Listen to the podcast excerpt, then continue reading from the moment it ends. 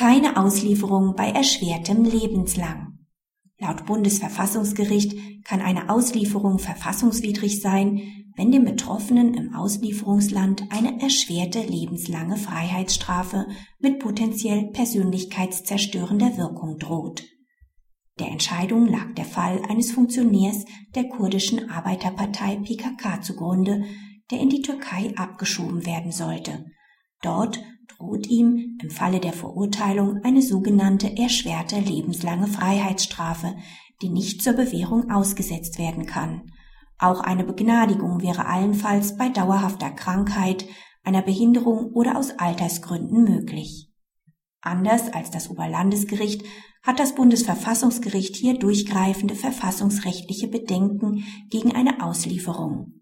Diese ist nicht mehr verhältnismäßig, wenn die drohende Strafe mit unabdingbaren Grundsätzen deutschen Verfassungsrechts nicht zu vereinbaren ist.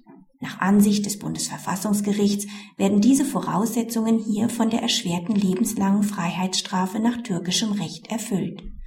Maßgeblich ist vor allem, dass die mangelnden Aussichten des Betroffenen auf eine vorzeitige Haftentlassung möglicherweise persönlichkeitszerstörende Wirkungen entfalten könnten zu den Grundsätzen eines menschenwürdigen Strafvollzugs gehört es, dass auch dem lebenslanger Haftverurteilten eine Chance verbleiben muss, je wieder der Freiheit teilhaftig zu werden.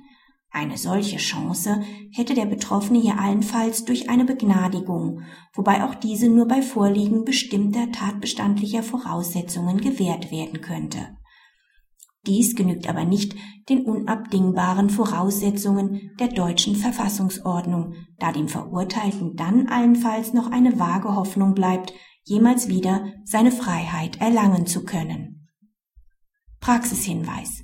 Die Entscheidung macht deutlich, dass nicht jede Form von Begnadigungsaussicht genügt, eine unerträgliche Verletzung der Menschenwürde durch lebenslange Freiheitsstrafe auszuschließen.